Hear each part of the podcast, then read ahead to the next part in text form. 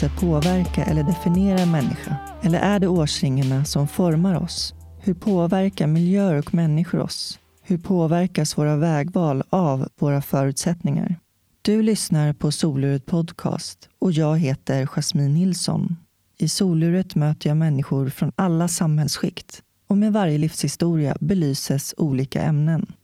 Välkommen till avsnitt 77. Soluret spelas in i Kulturhuset Dieselverkstan i Stockholm och huvudsamarbetspartner är det internationella hjälpmedelsföretaget Invacare. Idag får ni möta Daniel Nilsson. Daniel och hans fru Lina var nyblivna föräldrar när Lina fick diagnosen trippelnegativ bröstcancer. Daniel, som jobbar med ljudproduktion, bestämde sig för att dokumentera deras cancerresa som sedermera blev till en podcastdokumentär, inte riktigt som vanligt. Idag är Daniel ensamstående pappa med deras son Enzio som lever med högkänslighet. Här kommer Daniel.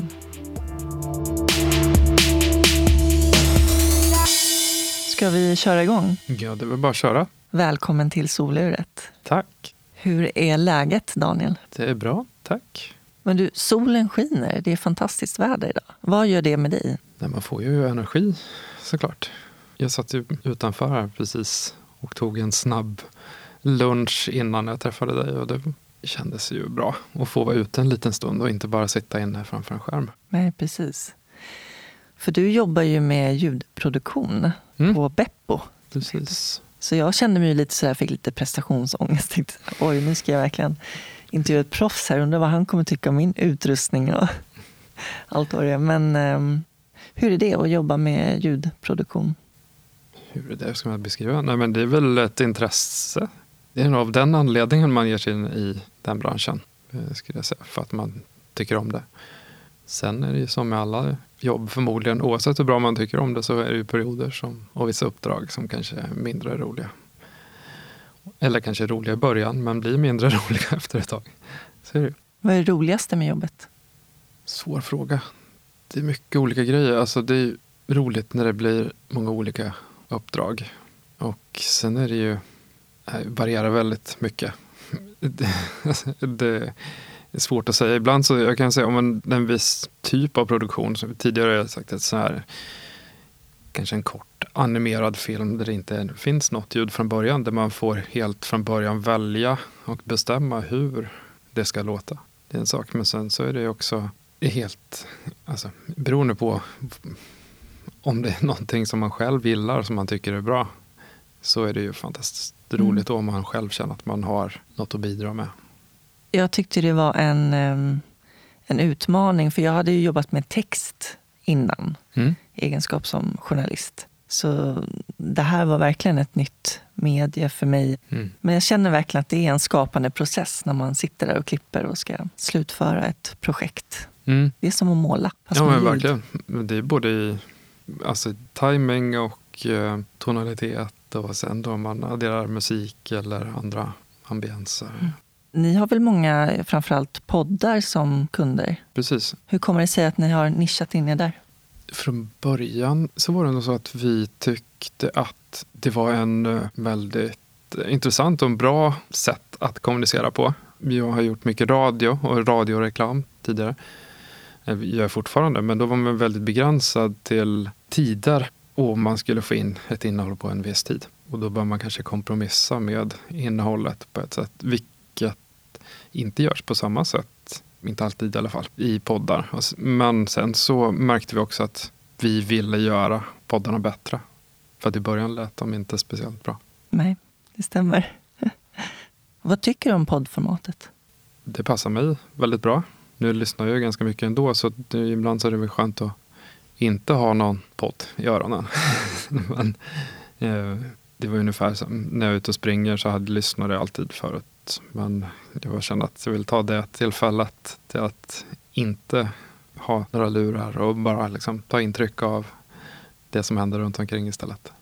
Jag har ju nyligen lyssnat på en dokumentärberättelse som du har gjort. Mm. Inte riktigt som vanligt. Just. Som handlar om din fru Mm. Lina Löfqvist. Och eh, er resa tillsammans genom cancer framför allt. Mm. Lyssnade klart igår på sista delen och eh, ja, blev väldigt berörd. Varför kände du att du ville göra den här eh, dokumentären? Ja, eh, från början så var det väl så att under tiden som vi då gick igenom den här cancerresan, alltså när man var, hade mycket sjuk, sjukhusbesök och man stötte på olika nya situationer som ja, man inte var van vid och så uppmärksammade man saker som man kanske ville göra andra uppmärksamma på och kanske anhöriga och både drabbade och anhöriga och, och kanske vårdpersonal och egentligen alla. Och det var ju sådana grejer som man kände att det måste man vara där i den positionen för att kunna berätta om. Och därför så började vi, jag hade tänkt att göra en, alltså vi hade massa ämnen som vi tänkte göra en podd tillsammans om. Och då började vi spela in tillsammans, men vi började väl mer som en presentation av oss själva, vilka vi var. Och sen så försvann väl de, alltså när man lämnade ett ämne, så det hände så mycket nya grejer hela tiden så man eh, tappade dem. Och sen så tappade man, ja, på grund av utgången Mm. i den historien så eh, vart det en annan historia av det. Mm. Och jag kan verkligen tänka mig att det är ett liv före och efter cancerresan. Och ehm, jag vill ju veta lite mer, eller börja med livet före. Och lära känna dig lite bättre och Mm. vad som har format dig till den du är. Så jag tycker att vi tar det från början. Mm. Vart kommer du ifrån? Jag är uppvuxen i Åtvidaberg och eh, född i Linköping. Ja, jag har väl bott i Åtvidaberg ända fram till... Jag kommer inte ens Det där med ihåg. årtal, det är svårt. Alltså. Jag- jag vet De liksom blir suddigare och suddigare Ja. med Ja, åren. precis. Det. Jag har aldrig varit bra på det, men man blir inte bättre på att komma ihåg. Men i alla fall, hela min ungdom kan man väl säga. Jag vet i alla fall att du föddes den 10 december Mm. 1974. Det stämmer. Vad föddes du in i för familj? I en familj med en mamma, Helen, och en pappa, Nils-Åke. Min mamma jobbade på Konsum då och min pappa jobbade på Partnertech, tidigare Facit. Och sen så fick jag ju en bror som är tre år yngre än mig. Väldigt Svensson-familj kan man säga. Inga problem någonstans utan bara en vanlig bra familj. Vi hade mat på bordet, inget överflöd. Vad är ditt tidigaste minne? Jag har ju några sådär minnen. Ibland så vet man ju inte om det är för att man har sett på kort som man kommer ihåg de bilderna eller om det är för att någon har berättat som man kommer ihåg. Men har ett minne av när jag var väldigt liten. Där jag gick med en skrinda och hämtade massa klippt gräs som var då i området med hus. Vi var i villaområde. När de klippt gräset så hämtade jag den skrindan. Och det var ju anledningen till att jag var ganska mycket hos min farmor och farfar. Jag hjälpte till att köra hö. Så jag tänkte att jag skulle ta med den skrin, skrindan få med hö ner till honom. Men det är nog för att jag också har fått det återberättat för mig. Som... Annars är jag ganska dålig på att komma ihåg grejer. Jag kommer inte ihåg drömmar. Väldigt få drömmar skulle jag säga som jag kommer ihåg. Jag lever ganska mycket i nuet istället. Vem var Daniel som liten? en liten rund person som var väldigt snäll, tror jag. Började väl spela fotboll ganska tidigt. Så det är ju någonting som har... Fotboll är stort i Åtvidaberg och har varit länge. Men det spelade ju i många år. Och det formade mig ganska mycket På vilket sätt? också. Nej, men lagspel var tillsammans med kompisar. Jag har inte tänkt så mycket på det, men det har väl säkert format en. Faktiskt, Sen har jag ju provat alla möjliga sporter, både individuella sporter och annat. Det har väl ja, varit bra, men jag vet inte. Vad, det är svårt där, vad som påverkar en och vem Mm. man blir. Det är ju allt från DNA, tänker jag, till föräldrar och till allt man möter och sådär. Och det märker man ju speciellt nu när man är förälder. Så blir det extra tydligt när man kan se hur liksom, viss ålder och vad det är som formar en starkast. Idag kan man ju träffa en person som kan påverka en på ett sätt men det kanske inte har lika stor inverkan som om man träffar en person i liten ålder. Men det kan vi också såklart skilja. Absolut. Vad gick du för gymnasium? Vad gick jag för gymnasiet? Eh, jag gick el-tele. gick jag. Ja. Och vidare på någon automatiseringsteknik. Sen så gick jag, hoppade jag på, man kunde läsa i fatt fyra år teknisk. Så att jag gick fjärde året teknisk men man fick läsa, en, läsa in de grejer som man inte hade fått tidigare då, från tidigare år. Jag ville väl hellre skata Ja, men så det ägnade man mycket tid åt då, en period. Och sen så tog ju lite där ut och eh, hade ett litet uppehåll på 18 år innan jag började faktiskt igen att skejta. Okay. Någonstans tror man att man är skejtare hela tiden, i alla fall fast man inte har skejtat. Och så märkte jag att det här var ju jobbigt. Vilket jag aldrig har reflekterat på tidigare. Så då bestämde jag för att det här måste jag klara att hantera. Så då fastnar man i det igen. Men jag tänker det är väl en identitet? Att, eh, ja, det är det. Eller i, alla fall var väl det i större utsträckning tidigare. Idag, som man märker här, så poppar det upp skateparker lite här och var. Så det blir väl mindre och mindre identitet, tror jag i alla fall. Jag vet jag har inte tänkt på det riktigt. Mm. Efter gymnasiet? Som sagt var, då levde man också i nuet och hade väl inte jätteplaner på vad jag skulle göra egentligen. Men jag hade ju ändå fastnat för det med ljud och sen så var jag väl inte så sugen på att jobba utan då hittade vi en utbildning i Varberg som vi skulle gå som var musikinriktad. Hur lång tid därefter var det som du flyttade till Stockholm? För att du gjorde det ganska det gjorde jag ganska direkt efter ja. Varberg. Jag och mm. en av de här kompisarna som jag läste med flyttade upp på vinst och förlust. Tänkte jag. Och, men ändå med ett eh, stort självförtroende i den åldern och tyckte att man kunde allt och gick runt och sa att man ville jobba här och där. Och sen så fick vi båda två jobb i en och samma studio i alla fall. Sen så var det, de var två ägare som skulle dela på sig och så följde vi med den ena så vi byggde ganska mycket studios. Ja, men det var spännande då. Man tyckte att, man, att det var väldigt stort. Sen så märkte man efter en tid att man började hälsa på folk här och var och sen tyckte man, jaha, känner igen folk här lite överallt på stan och sen så krympte stan, kändes det som. Men då tycker jag att vi hoppar till när du träffar Lina i Helsingfors, var eller hur? Mm. På en eh, hårdrocksturné. Just det. Precis. Berätta om det. Jag var, eller var och är, men kompis med framförallt Tor som spelade i ett band som eh, hette Nine, som spelade hardcore som absolut inte var min genre på något vis. Men eh, jag var ibland med dem på turnéer. Då eh, var en av spelningarna i Helsingfors. Vi kom i god tid så vi var eh, på stan på dagen. Gick runt. Och så träffade vi en tjej som kommer från Linköping. Så det var en av killarna i bandet som träffade henne och de bjöd dit henne till spelningen på kvällen.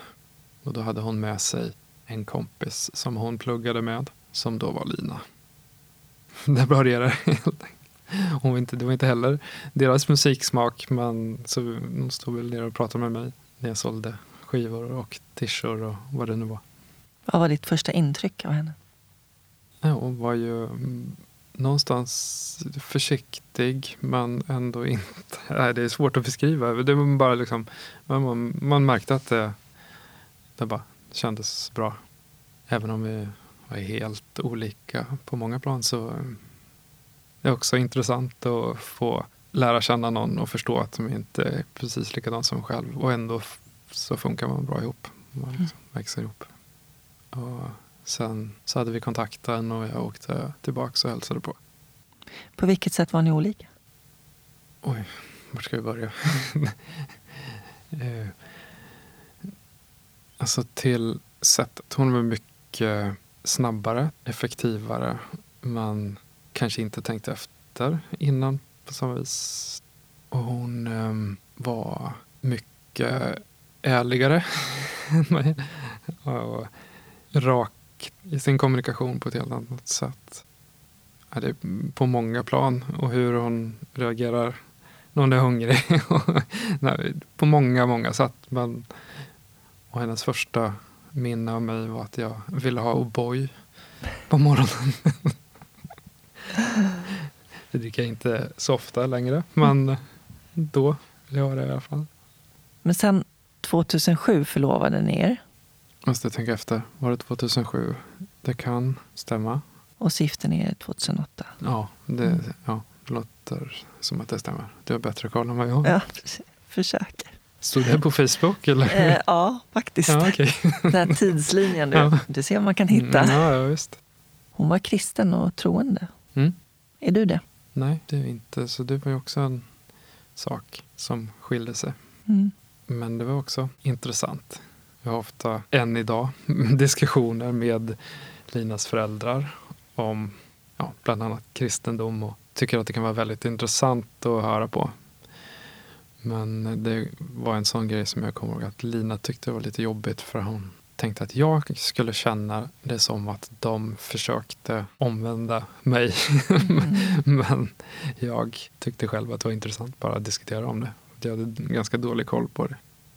Kommer ihåg i början, det tror jag inte sker längre men så ofta. Men var ovant att bara be bordsbön hade jag aldrig gjort tidigare innan maten när man var hälsade på hos föräldrarna.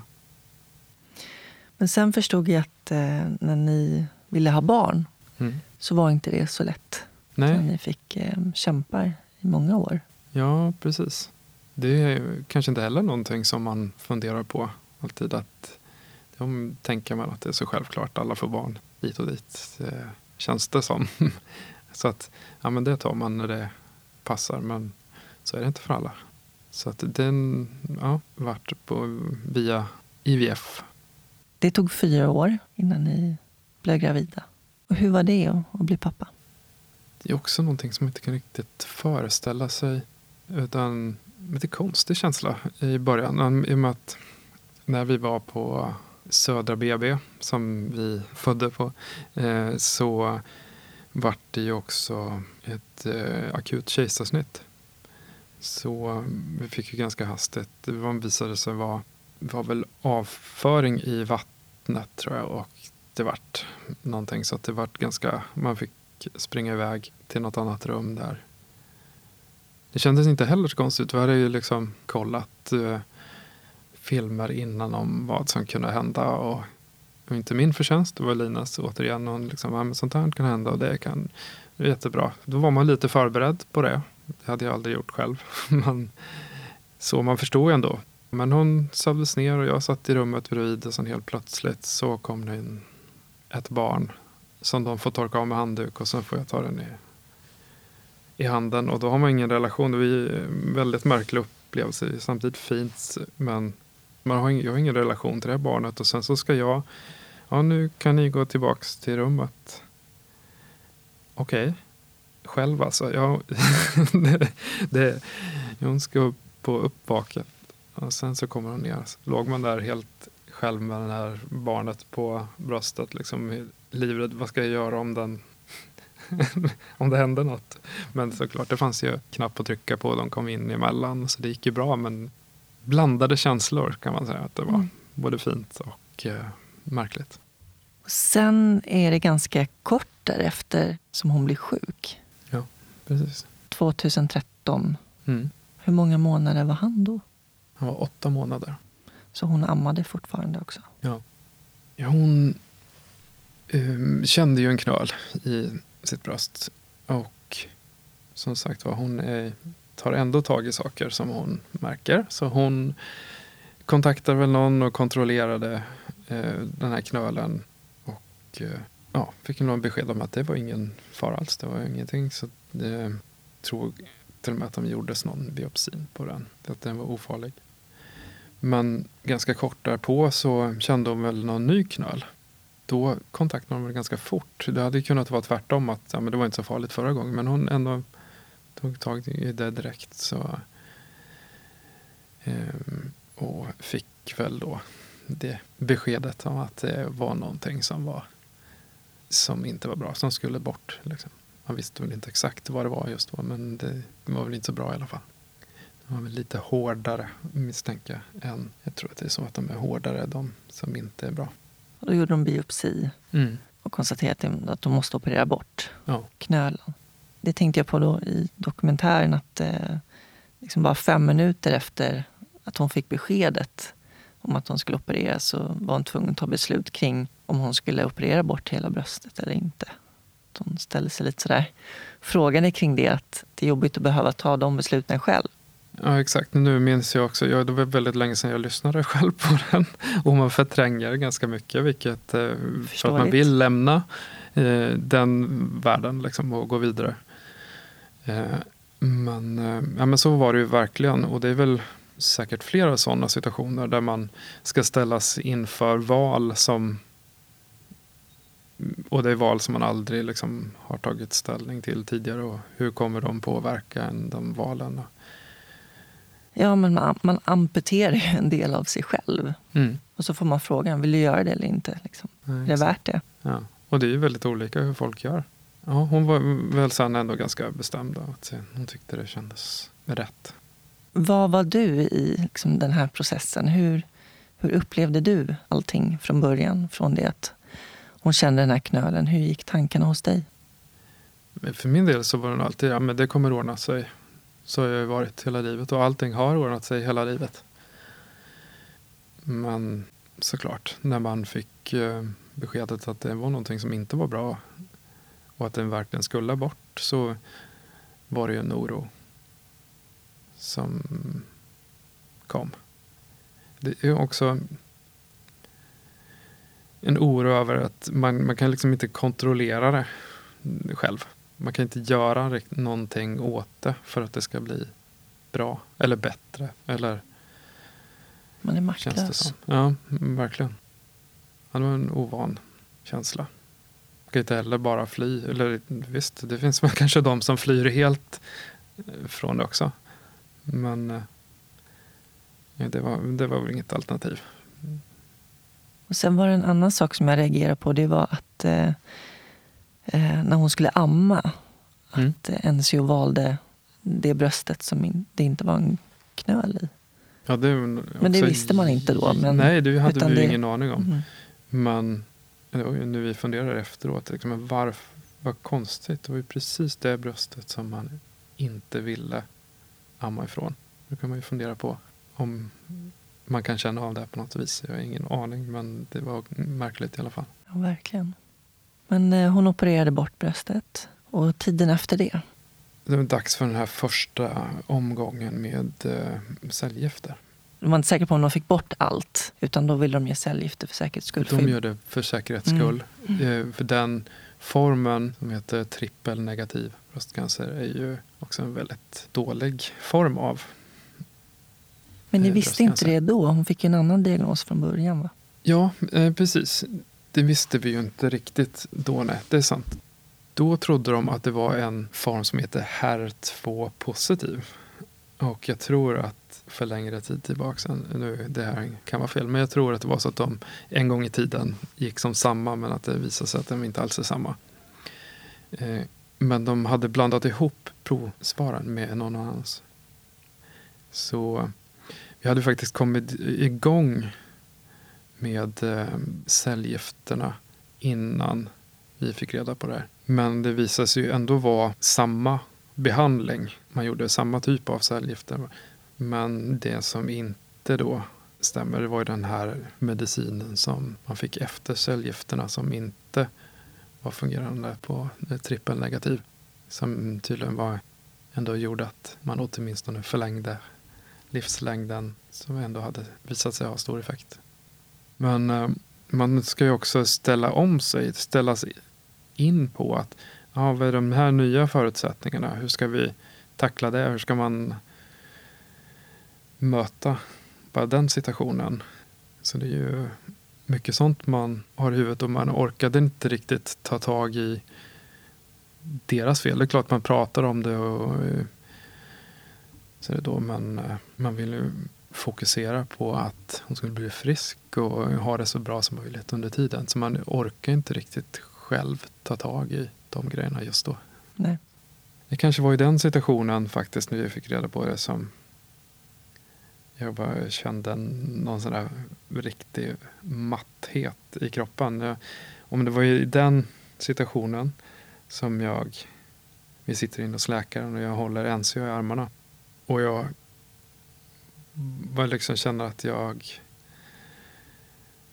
tappar helt styrkan och energi. Man bara liksom, jag orkar inte hålla i barnet längre. Jag måste sätta bort det. Eh, så också den där att man inte har någon kontroll.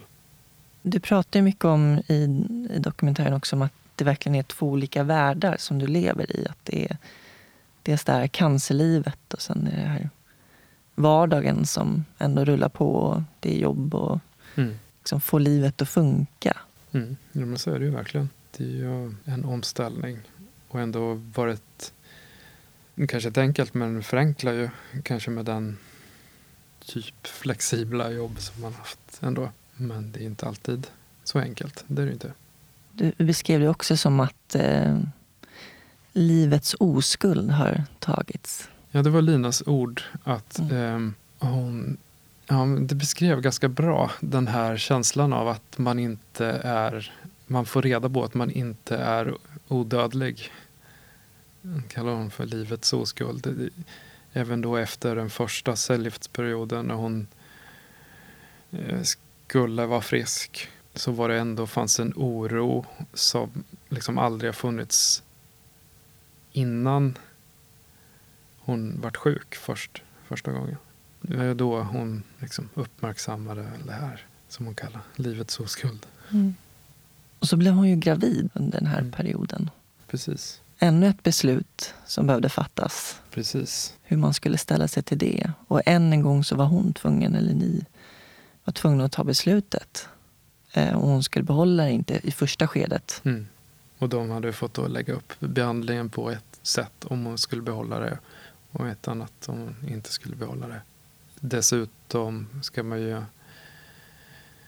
vara ett beslut om om man skulle behålla en bit av äggstockarna för att kunna bevara fertiliteten. Jag tror det är lite sådana beslut som skulle göras. Jag var mer fokuserad mm. på att Lina skulle bli bra eh, och eh, hålla ihop allt runt omkring. Är så, såklart att det är tråkigt och jobbiga beslut men eh, alla beslut som gynnar att hon blir bra. Att hon skulle få vara kvar som mamma liksom, till NCA. Och, um, det var ju någon preo. Men um, ni fick missfall? Mm, precis, mm. men det behövdes inte vara skönt mm. att slippa ta det beslutet. Utan, även om det inte såklart var roligt, men det var ändå rätt i det läget. Hur såg livet ut under den här tiden?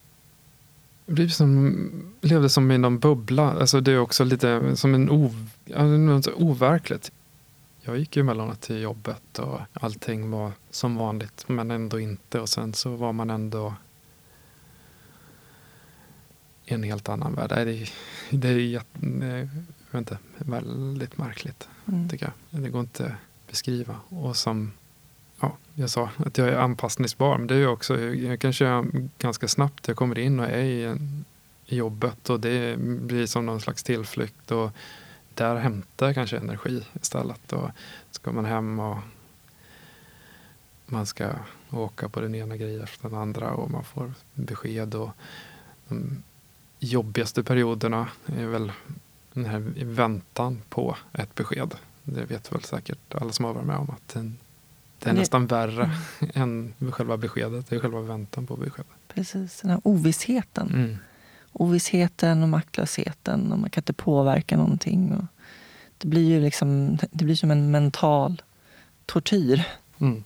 Alltså, inte något kul att få cellgifter.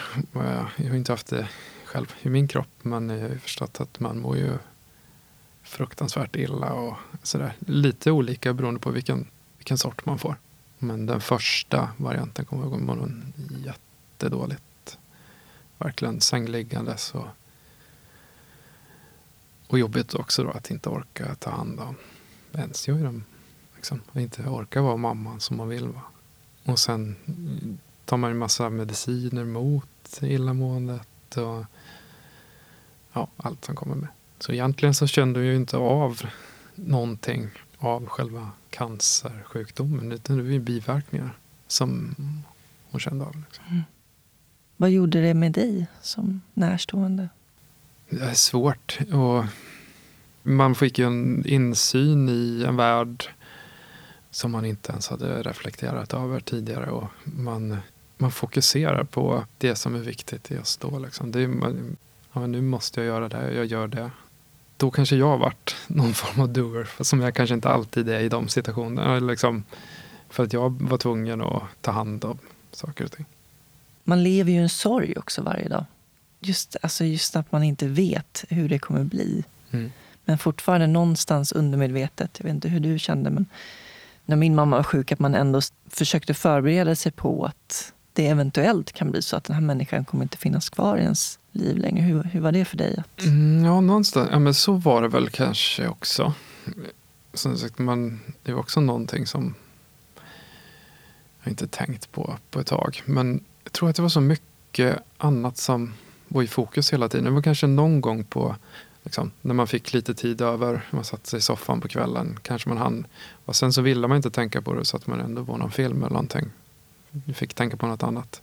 Men i och med att ens var liten, det skulle hela tiden fixas. Alltså så man fokuserade på massa andra grejer hela tiden. Så man kanske inte tillät sig att tänka och känna så mycket i taget på det i alla fall. Men såklart, det var ju någon, den fanns ju där, en känsla, någon rädsla i kroppen. Det gjorde det. Kunde du föreställa dig ett liv utan henne? Nej, absolut inte. Eh, inte som nybliven förälder och sådär. Det var ju omöjligt och jag tänkte väl inte det heller. Det var väl mer snarare så, återigen, Lina som förberedde mig på att det kunde vara så. Hon hade ju koll på vad det här var för någonting. Och att, eh, hon var ju så, tog ju reda på mycket om cancer och allt runt omkring. Och eh, kollade upp andras historier och allting. Men just då så hittade väl hon ingen överlevare av trippelnegativ. Det är ju fint att jag har i alla fall fått träffa Louise som du har haft här tidigare. Mm. Och också fint att hon också har visat att hon finns och att man kan klara det. För det ger ju hopp åt dem som just nu kämpar med i samma situation. Det gick ju fort sen eh, när ni fick veta att det var då kronisk cancer. Och att hon bara hade en till två månader kvar att leva. Mm. Vad hände med dig då? Jag förnekade nog och eh, nej men då, eh, det var ju så att eh, då, nej, man blir, det var återigen, man blev bara matt och man var, och då hade man varit inne så mycket så man visste inte riktigt vad man skulle känna liksom, och vad det innebär. Det, det var mer så här, kan tänka mig paniken i hennes kropp. Mm. Men såklart, man, säkert så var det ju tankar som gick ändå. Hur ska jag göra nu? Det, det är inte långt kvar. Hur, vad händer? Men jag tror ändå att är någon, jag förnekade säkert det och kämpade vidare. Mm. liksom och hopp, hoppades väl på ändå någon form av lösning. Min mamma fick också eh, besked om att det var kroniskt. Mm. Jag hade aldrig hört talas om det. Jag visste inte ens om att man kunde ha kronisk cancer. Mm. Och jag tänkte, men gud, det måste alltså, gud vad plågsamt att inte veta. Alltså, att leva med den här stressen, att man har det i kroppen.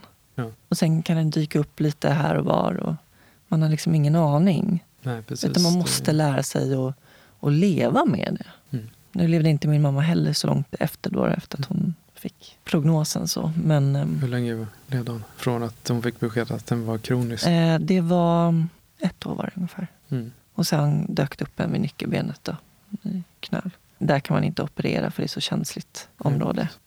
Nej, men det kommer jag ihåg hennes... Alltså, det här liksom att hon blev äcklad av sin egen kropp. Mm. Därför att hon visste att cancern var där i, liksom, i kroppen, i blodet. Ja. Och det vet jag var svårt för henne att, att kan, liksom acceptera. Jag kan känna igen de tankegångarna. Jag kommer inte ihåg exakt om det var de ordvalen. Mm. Men det är liksom, den typen av funderingar var ju verkligen hela tiden. Jag tänker på en annan grej tidigare som jag säkert också nämner i podden. Men den här, jag kommer att tänka just på den här skuldkänslorna. Mm. Att hon kände skuld för att hon var sjuk. För att det mm. drabbar så många andra i hennes närhet. Ja, det är också någonting som jag inte har reflekterat över. Att faktiskt de drabbade kan känna så. För det är ju inte heller helt ovanligt har man ju förstått. Mm. Man vill inte vara ett problem för Nej, andra. Man har ju ändå den här överlevnadsinstinkten att man ska klara sig själv in i det sista. Nej, exakt. Men det, det är så märkligt ändå när man inte har tänkt de tankarna tidigare. Mm. Men man kan också, också förstå dem. Mm. Nu tar vi en kort paus och ringer upp min samarbetspartner Invacare. Marie-Louise Tam. Hej Marie-Louise, det är Jasmin här från Soluret. Men hej Jasmin! Hur är läget? Det är bra tack, det var länge sedan hörru. Ja, det var väldigt länge sedan. Hur är läget? Det är bra. Friska och vi sitter och jobbar hemifrån ett tag till. Berätta vad du gör för någonting på Invacare. Jag jobbar som produktchef för gång och hygienhjälpmedel. Så det kan vara rullatorer, betastöd eller det kan vara eh, hygienstolar som man kan skjuta in i duschen eller över toaletten eller toaförhöjare. Sådana produkter jobbar jag med och de är superbra när man väl behöver dem. Innan så funderar man ju inte så mycket på det. Nej men precis. Men hur ser framtiden ut här för Invacare? Ja, men vi har ju en ny rollator som heter Gloss som vi har lanserat digitalt då. Och det är ju faktiskt ett nytt tankesätt där man behåller lite av det här att man går in i rullatorn. Precis som Dolomit har som sitt grundkoncept. Sen har vi även uppgraderat eh, de här nya Ocean Ergo-stolarna. Hygienstolarna som man har i dusch och drar över toalett. Där kommer vi få nya armstöd och dessutom så har vi såna här mjuka dyner som man kan sätta på de hårda armstöden på de stolarna. Så den blir lite spännande. Och så har vi lite mer uppgraderingar så vi har två nya lägre höjder på Ocean Ergo-stolarna. Så att vi vill gärna komma ut och visa alla. Ja, och förhoppningsvis så blir det väl aktuellt till hösten i alla fall. Ja, förhoppningsvis. Om nu allting håller så ser det ju ut som om Fokus hjälpmedel i Kista blir av än så länge så 17-18 november, det är ju jättelångt fram i tiden. Man önskar ju att allting redan var så att man kunde träffas. Men det här ser vi verkligen fram emot. Det är jag också. Tack så jättemycket Marie-Louise. Ja, tack själv och jag hoppas vi ses i Kista. Det hoppas jag också. Den 17-18 november. ha det bra så länge. Ha det gott. Hej då. Tack, tack. Hej då. Men om vi hoppar till eh, när du fick veta att hon bara har en till två månader kvar att leva. Mm. Det går inte väl ens att beskriva de känslorna man känner då. Nej, man vet knappt vad man ska känna. Det är väl det som är grejen. Att man, mm. hur ska jag tänka? Det finns inget svar. Utan det är bara massa tankar som flyter omkring. Liksom, som är svåra att samla. Jag menar, vi troligtvis då en till två månader. Men menar, hon har ju träffat också andra som var kroniskt sjuka i samma sjukdom som hade levt ett år eller två. Så man visste ju inte heller exakt. Och då finns ju hela tiden ändå ett något litet hopp kvar där. Att men då kanske det hinner komma en, en medicin. Hoppet är det sista som lämnar oss. Mm, så är det verkligen. Är det. det var ganska fint också att det är så. Mm. En vecka innan hon gick bort åkte vi in för att då kom första liksom, fysiska känningen av själva cancern. Och vi visste ju inte att det var det då, men det var, hon vart vattenfylld. Hon svällde upp.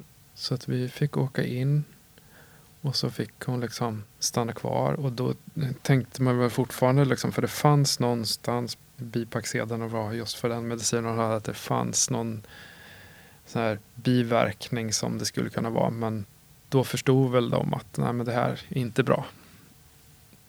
Men ändå så vill man inte ens ge upp då. Liksom. Mm. De tömde henne på fyra liter vatten då. Eh, och då, hon var ju ganska liten själv så att det, var ju, det märktes ju verkligen på henne. Eh, hon ja, vart ju kvar där.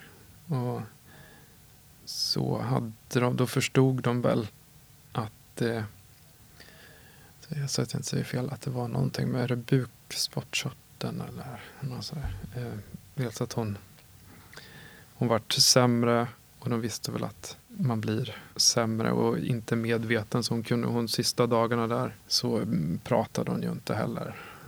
Så vet man inte vad hon ändå uppfattar för hörseln kanske ändå var med. Vilket var en sak jag reflekterade på. Att, eh, att sköterskorna ville, det var ju liksom, ville prata med en, att man stod framför henne. Hon kunde inte prata själv. Hon kunde inte vara med i samtalet men att man inte direkt gick in till ett annat rum och pratade istället.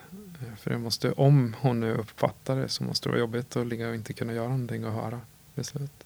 Men eh, ja, sen det var ju jultider så att det var på julafton så sov jag kvar där i hennes rum. Och vi hade ju, ja men våra familjer var hos oss och Enzio var hemma. Alltså de var på dagarna där, vi firade jul där. Hon hade ju hoppats på att i alla fall komma hem men hon han var så dålig, eller han blir så dålig så att eh, vi fick eh, vara kvar där.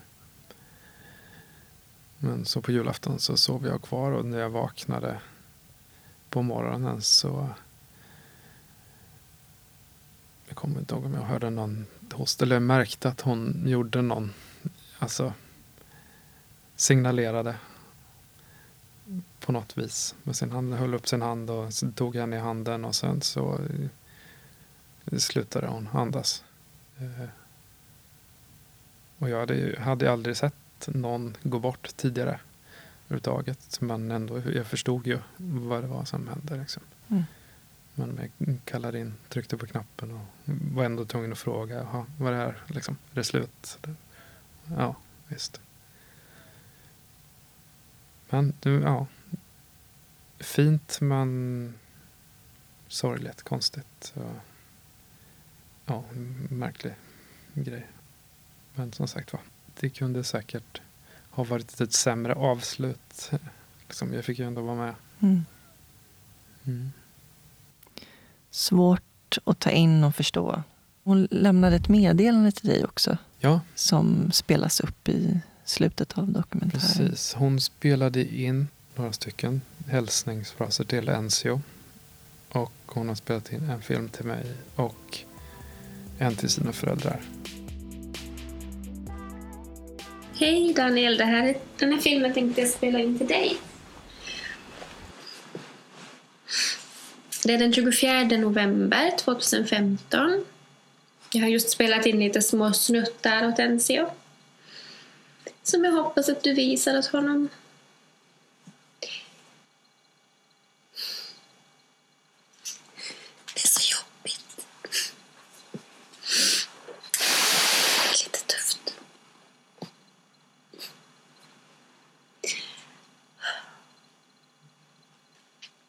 Se på snörvlanda igen. Men du är väl van i det här laget? Jag önskar jag kunde vara där med dig. Att vi skulle fått le fortsätta leva tillsammans. Att vi skulle fått bli gammal med dig. Vilken dröm.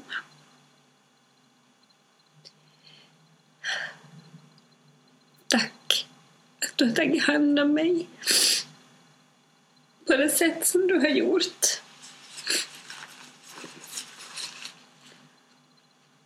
Inget har blivit så mörkt som det ska kunna bli för att du har varit någon slags fantastisk källa av hopp för mig.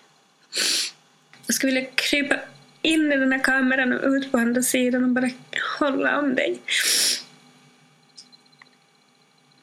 dig. Älskar dig. Hur var det att se den? Det är blandade känslor där också. Alltså, man tänker mycket på hur orkade hon göra? Man ser på henne att det finns någon panik. Men samtidigt väldigt fint att hon orkade bry sig och göra det för våran skull. Och säkert för sin egen skull också. Men att orka hålla ihop den stunden. Och, och sen då mycket för Enzios skull också. Och det har ju han fått se ganska tidigt. I alla fall den första delen. Sen är det liksom eh, delar som tre eller fyra, kommer de med olika skeden i hans liv som de, han ska få kolla på dem. Mm. Han dricker för mycket vatten. Han måste dricka lite vatten. Mm. Det var ju inte för att hon hade druckit vatten. Det var ju för att hon var sjuk, hade en sjukdom som heter cancer. Varför, varför det? Men jag såg ju inte när mamma drick, när mamma gådde iväg. Man ser inte honom. Men sin telefon glömde han ju. Men han pratade inte ju med mig. Han kunde inte prata. Du menar på slutet när du var där sista gången? Mm. Han var ganska trött då? Men då var det mörkt sista gången. Jag skulle till doktorn. Mm. Men när jag skulle till mamma då var det mörkt. Så här mörkt var det. Men då, då kom mörkret efter mamma. Så jag är ledsen. Men snart blir vi glada. Hur mycket tror du att han förstod? Mer än vad man kan tänka sig. Alltså, I sista tiden, vi bodde ganska tätt och familjerna, så det var ovanligt att alla kusiner och alla var där samtidigt och vi var hos oss på julen och folk var ledsna. Och så, så läste han av. Han också högkänslig och är extra bra på att läsa av saker och ting. Men det har visat sig i efterhand att han har minnen från den julen och den tiden hemma. Och han har även nämnt saker som att Kommer du ihåg min röda helikopter? Röda helikopter? Ja. Ja, så kommer jag, ja, just det. Ja, den fick väl jag då. Ja, det stämmer. Och så kommer han ihåg jag försökte vara glad, men jag var inte det egentligen. Så han har minnen som är ganska starka, fast han liksom har kommit fram nu i senare tid. Liksom. Hur känns det att höra det? Det är klart att det känns ju fruktansvärt tråkigt på ett sätt. Samtidigt som det, jag tycker det är jättefint att han kan uttrycka sig och säga de här grejerna och inte hålla det för sig själv även där blandade känslor. Mm. Hur har ditt eh, sorgarbete hur har det sett ut? Så här tror jag att det ligger till. Jag har i ett ganska tidigt skede blivit förberedd av min fru på hur det troligt kan gå. Hon sa eh, även om det fanns ett hopp och, sådär, och jag inte ville prata om det så ville hon prata om det, hur det kan gå och vad det innebär. Och, så, så jag var nog mer förberedd än vad jag kanske trodde. Sen så är det också fortfarande då, då har jag hundraprocentigt fokus på NCO som gör att man inte kan gå och tänka på det hela tiden. Och sen återigen min anpassning och anpassning. Och att jag lever i nuet. Nu är det det här som gäller. Nu gör jag det här. Det är klart att man har liksom en saknad kanske, men sorgearbetet och sorgen, den är svårt att, att säga mm. och beskriva den. Liksom. Ja, men just din inställning till att, att leva i nuet och sådär, det har säkert räddat dig, tänker jag. Mm. Ibland kan det ju vara lite farligt för att man lägger locket på och sen förr eller senare så... Men det är ju det att jag är inte rädd heller för att Nej. prata om det. Och mm. det varit väl min terapi att göra den här dok dokumentären. Det kanske jag inte förstod riktigt när jag höll på med det. Eller många undrar hur jag orkade göra den och mm. klarade av det. Det blir väl en form av terapi och sorgarbete kanske. Att göra en sån grej. Sen så kanske man går vidare. Så det kanske var mitt sorgarbete. Ja, för jag tänkte på det, för du läste ju upp hennes texter också. Mm. När jag lyssnar till Gud, att han orkar. Alltså, att läsa hur hon känner och tänker. Och mm. Det är en väldigt bra dokumentär, alltså äkta och genuin. Att det är viktigt att ge det ärliga, ärliga perspektivet, mm. hur det är. Det, är väl, det var väl också en, en tanke. Mm. Att det skulle...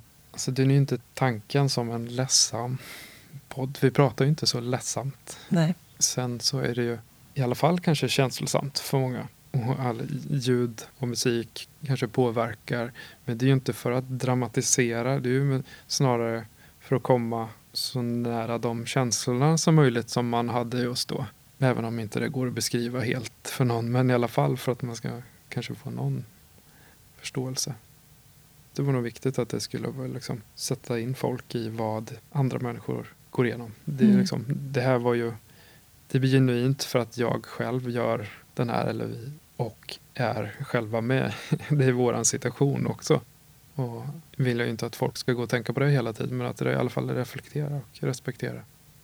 Och livet efter Lina, hur var det till en början? Ja, alltså det var ju eh, efter så var ju det kanske det som var mest skrämmande att oj, ska jag ha totalansvar nu för Enzio? Hur ska det gå? Kändes det som knappt andan mig själv. Men eh, man har ju inget val. Så eh, man ser till att lösa det bara. Efter sin förmåga. Eh, sen så är det ju så fruktansvärt värdefullt att man har haft mycket goda vänner och eh, så fin både familj på den här sidan och på Linas sida som har kunnat vara med och stöttat hela vägen och fortfarande. Så det är man ju väldigt tacksam för. Det är kanske inte alla som har den förmånen. Egentligen har vi på många plan fantastiskt bra med vänner och familj. Men sen så har vi ju, vi bor väldigt nära NCOs bästis och jag är väldigt nära med från början pappan men också mamman. Så vi hänger och umgås väldigt mycket. Man trivs på jobbet och, men det är ju den här det blir mycket samma sak och speciellt nu under pandemin. Så är det tyvärr så. Jag, för min del så ser det ganska likt ut. Jag cyklar fortfarande till jobbet, det gjorde jag innan också. Och mycket ändå. Man kommer inte iväg, det hade varit skönt. Och man behöver egentligen komma från varandra lite grann. Det blir inte så mycket sånt. Tyvärr. Och sen, ja, en bit som vi inte har tagit upp det är ju liksom hur, eller vi kanske har varit inne lite på det, men hur Enzio mår efter Linas bortgång och man var rädd för att ta hand om honom själv. Det var ju också att man hade, vi har ju varit ganska många gånger på sjukhus med Enzio. För att han hade haft svårt att andas och hade kropp och astma. Och, och då var ju Lina mycket bättre på att ta tag i de grejerna också. Men jag hade ju lärt mig under tiden att det inte var första gången som det hade hänt. Det hade hänt flera gånger. Så det kom ju några sådana grejer efteråt också. Och då visade det sig att eh, han hade streptokocker och väldigt förstorade halsmandlar. Så um, de skulle han operera bort dem. Och han totalvägrade, ville inte ha spruta, ville inte bli bedövad. Och, men sen så under skulle hålla fast honom men det, då fick vi avbryta för han väg, totalvägrade. Sen fick vi komma tillbaka sådana tillfällen. och då fick de hålla honom istället. Eh, för att han, det satte sig så hårt att jag, liksom, du var dum mot mig en gång. Och det var just när jag höll fast honom då och försökte. För att han skulle söva honom. Men så vid nästa tillfälle så höll läkaren istället. Och då lyckades de och så då genomförde de operationen och sådär. Sen så ligger vi på vaket och jag sitter bredvid honom. Och han reser sig upp, spänner ögonen i mig. Varför hjälpte du inte mig? Och sen så la han sig ner igen. För det är också tydligen så att det, när man blir sövd så går det väldigt, väldigt fort. Alltså, det känns som sekunden innan. Mm. Liksom. Um, men det var i alla fall väldigt bra att få bort, eller förminska halsmandlarna, gör de nu mm. för. Så eh, då kunde man själv sova lugnare. Man fick sitta vaken, han enda liksom lärde sig hur man skulle hantera när det kom den här falska kroppen. Att man kunde vända på honom liksom och sådär. Och sen när inte det hjälpte så öppna alla fönster mitt i vintern och sitta upp med honom och sova. Men jag har så lätt för att sova så att jag var mest rädd för att jag skulle somna själv när han, in, han satt och sov i mitt knä. För det blir en grej. Ja men precis. Så, så av, jag märkte det först Jag skaffade sådana, typ som du har, så noise cancelling hörlurar. Jag hade skaffat dem precis, satte på noise cancelling och sen skulle lyssna på någonting på natten när han låg bredvid. Och jag bara, det här känns inte bra. Då märkte jag först hur, vilken kontroll jag hade fast jag inte tänkte på det. Jag låg och lyssnade på hans andning utan att jag ens visste om det. Men då när den här noise cancelling tog bort liksom hans ljud så kändes det inte bra. I alla fall sen efter den här operationen. Och jag märkte att eh, andningen var mycket bättre och han har blivit större. Det känns tryggare. Så nu tänker jag inte så mycket på sådana grejer längre. Är skönt. Men då dyker det upp andra grejer. Ja. man har haft svårt att komma till skolan. Och, eller framförallt lämningen på morgnarna. Och som jag säkert nämnde tidigare nu högkänslig och det innebär ja, allt möjligt. Man blir så van vid så man vet knappt vad det innebär längre. Men han reagerar på allt från höga ljud till lappar i kläderna. Strumporna är för torra så att han slänger av sig dem och inte vill gå till skolan. Men man hittar lösningar. Smörja fötterna innan och sätter på strumpor. Och är diagnos, alltså vad är... Nej, utan det är en personlighet. Det är tydligen för många som har det här och den visar sig på olika sätt. Så det är så många så att man, det är en personlighet räknas det Sen, eh, ja, man har haft mycket ont i magen och ont i hjärtat och provat allt möjligt. Och sen så har vi väl kommit fram till, eller jag började fundera på, det var ju egentligen Siv då, eh, Enzios mormor, som kanske nämnde det, skulle kunna hänga upp med, har du tänkt på PTSD? alltså posttraumatisk stress. För att det var så här, det stämde många av hans symptom verkligen. Strax innan jul så gick vi till någon psykolog och skulle kolla om det påverkar. Men sen så har vi faktiskt inte haft någon återkoppling och grejen är att det har gått lite bättre nu och då är det så skönt att bara släppa. Men det finns fortfarande, så ibland så är det, det är inte helt självklart. Men jag ska ta upp den och jag skulle vilja ha lite medel att ta till om det finns sådana, när den där jobbiga situationen dyker upp. Att han totalvägrar gå in på skolan för att det blir någon form av, jag vet inte om det är panikångest eller vad det kan vara. Jag vet inte. Jag hoppas bara att det blir ändå bättre och att han kan få må bra. Liksom. Mm. Men vi har, vi har det bra annars. det, det, det, ska man inte glömma. Vi har det fantastiskt också. Men det hade varit skönt om man kunde få släppa allt sånt som har med sjukhus att göra. Mm, kanske. Ja, precis. Kan du känna när du är på sjukhuset och så där, kan du få någon form av PTSD eller så där, att liksom saker kommer tillbaka? Ja, alltså nu är det så här, just nu den här perioden så har vi inte varit så jättemycket på sjukhus eh, ändå. De gångerna man har behövt gå dit på någonting så jag känner, nej, jag känner inte någon PTSD men jag får ändå så flashbacks till just det här gick vi de här gångerna. De här färgerna. Man handlade sin kaffe på kiosken. Du vet, man kommer ihåg saker men jag, nej, jag får ingen panik alls. Liksom, och jag får inte, nej, det är bara att, skönt att ha lämnat framför allt, skulle jag säga, den miljön. Mm. Ja, man känner sig ju ganska sjuk i den miljön. Ja, men, Även om man kanske inte är det rent eh, fysiskt och Nej. mentalt. Även om man också blir, vi vart ju också, det måste jag säga att vi vart ju faktiskt fantastiskt omhändertagna också. Det var jättebra vård, verkligen, och jättefina i personalen. Visst, det vart den här eh, missen som inte var så rolig där i början, men det är också väldigt fina människor som har hjälpt till och har jobbat med det där. Och glada att det finns de som verkligen gör det tänkte komma in på mina standardfrågor. Mm. Som jag inte ville ha ja. innan. Så nu kommer det mm. som en bomb. Ja. Vad innebär det för dig att vara människa? Oj. Um.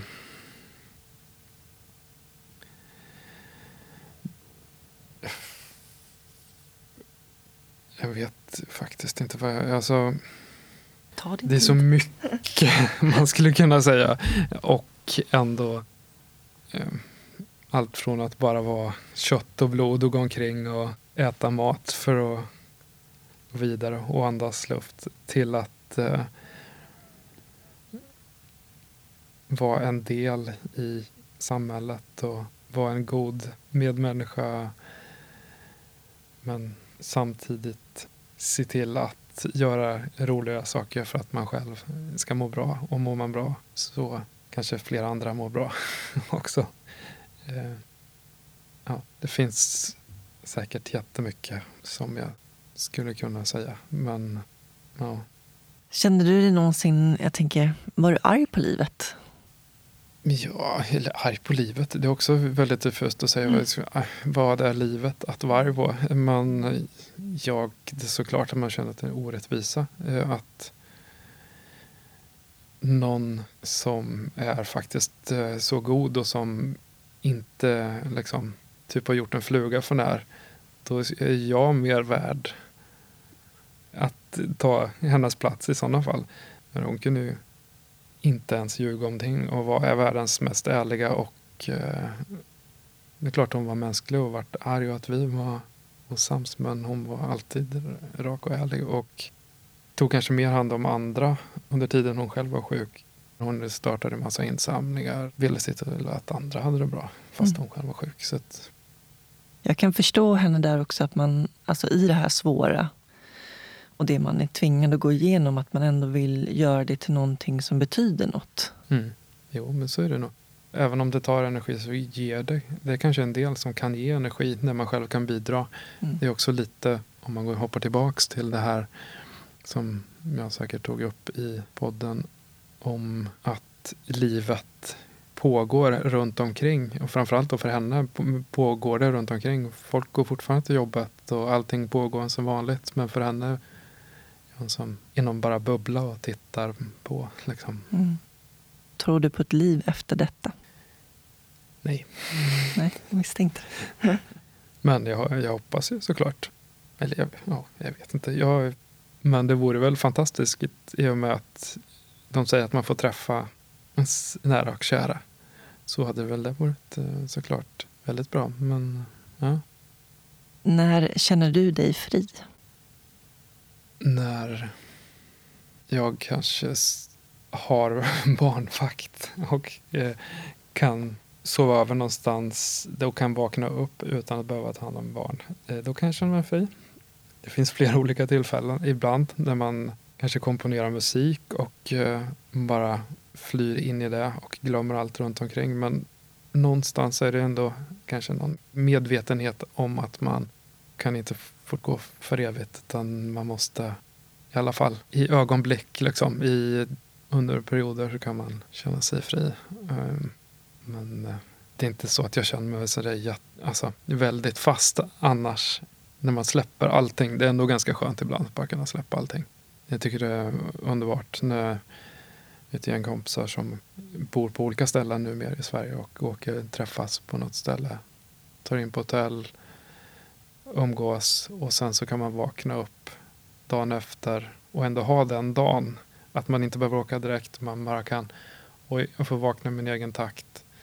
Jag behöver inte göra någonting, bara ta hand om mig själv och ha roligt. Det är uppskattat. När känner du dig sårbar? Jag måste fundera. Jag är så avtrubbad. Så det är väldigt sällan sårbar. Det är snarare när det händer bra grejer. Fina grejer. Som är mer sårbar än... Eh, känner man sig i alla fall mer sårbar. Men jag har inget sådana speciella tillfällen där jag känner mig sårbar. Vad menar du med avtrubbad? Ja, men efter den här sen Lina vart sjuk så har man gått igenom såna, så mycket liksom känslor och, eh, och all, ja, allt som vi har pratat om idag. Alla eh, besked och allting Både jobbet upp och ner. Även när vi också haft eh, emellanåt som vanligt. Alltså, men det har varit så mycket, mycket, mycket.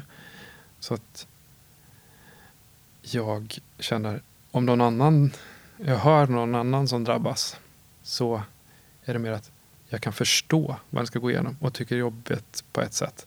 Men är inte mottaglig för eh, känslomässigt eh, riktigt eh, gå in i det. Det känns som att jag har ja, men det finns någon slags avtrubbning genom allt man har varit med. Och då är det mer kanske oväntade situationer som möjligtvis liksom. Jag har sån här minne om när jag skulle åka tillbaka till Finland till Linas föräldrar första gången efter ja, att Lina hade gått bort. Alla tänkte, ja men nu känns det att komma hit. Och, nej, jag, det är inget konstigt med det. Eller jag tyckte inte att, det är klart, någon slags märklighet, men inte jättemycket. Men det är vissa korta ögonblick där man släpper helt, där man inte är förberedd. Det kan komma upp en bild, ett minne från, ja men den här platsen var vi på, fast det är strålande sol och det är fint och det är så här en bild som man inte räknar med. Man är inte, kroppen är inte förberedd. Då kan man få liksom, en känsla. Um. Mm, jag förstår det. Kanske härdad också kan man säga. Ja, men det, precis. Härdad av livet. Mm. Nej, men det, är som, det är som livet överhuvudtaget. Mm. Man, det, man är svår, alltså bara ju äldre man blir, ju mer man har varit med om, desto svårare är det att man tycker inte, åh en ny låt, ja den var bra. Men det är inte liksom, wow det här har jag aldrig hört. Eller vad den gäller. Mm. Man har sett saker tidigare. Det ska till ganska mycket om det ens går att bli mm. lika exalterad som mm. man var förr. Ja, jag fattar. Vad drömmer du om? Det är det jag inte kommer ihåg. Jag har ju, om vi tar det vakna livet. Jag vet inte om jag kallar det dröm. Jag har ju sett fram och jag hoppas att såklart att Enzio ska få ha det så bra som möjligt. Och det är ju mitt mål. Trots hans eh, ganska tuffa start. Men sen så hoppas jag ju också på att jag ska få ha det bra. Och eh, ja, det är ju så. När jag har det bra. Han mår ju bra av att jag har det bra. Så är det. Just nu så är vi mycket nere på landet. Och tycker att det är en skön avkoppling och kontrast till storstan. Som jag också tycker om. Men då får man också umgås med mina föräldrar och min bror. Och ha sina projekt. Och köra en maskin och få glömma allt. Och, ja, där finns det hela tiden nya drömmar. Jag bygger en miniramp. och drömmer om att kanske få tillfälle att skata lite mer igen. Jag har några antingen eller-frågor också. Mm. Lite mer lättsamma. Mm. Kaffe eller te? Kaffe. Stad eller landsbygd? Båda och. Det är kontrasten. Bok eller film? Film. Kött eller grönsaker? Mm, det, no. det var svårt. Eh, nej, men båda behövs. Jag tycker väldigt mycket om kött, men jag, jag tror att det skulle vara bättre om det bara fanns grönsaker. Planering eller spontanitet?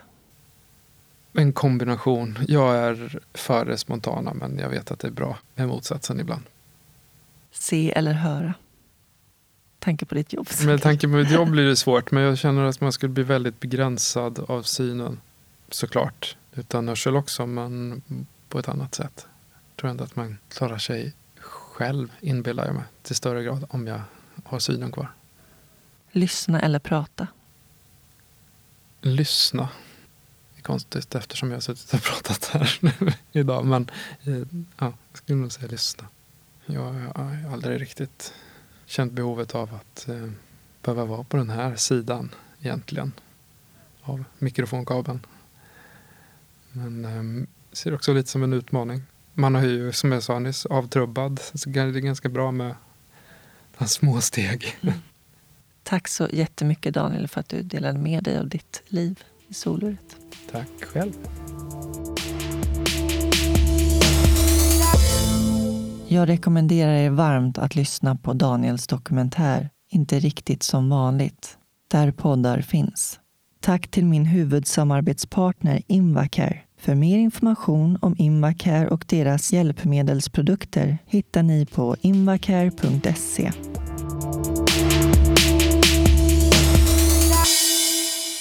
I nästa avsnitt får ni möta Louise Widlund.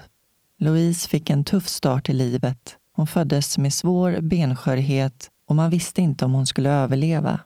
Hennes föräldrar blev rekommenderade att lämna bort henne till ett så kallat avlastningsboende. Idag är Louise föreläsare och influencer som driver en egen Youtube-kanal. Hon brinner för att inspirera människor och krossa fördomar och är aktuell med sin självbiografi Porslinskvinnan. Tack för att ni lyssnade och ta hand om varandra där ute. Puss och kram. Hej då.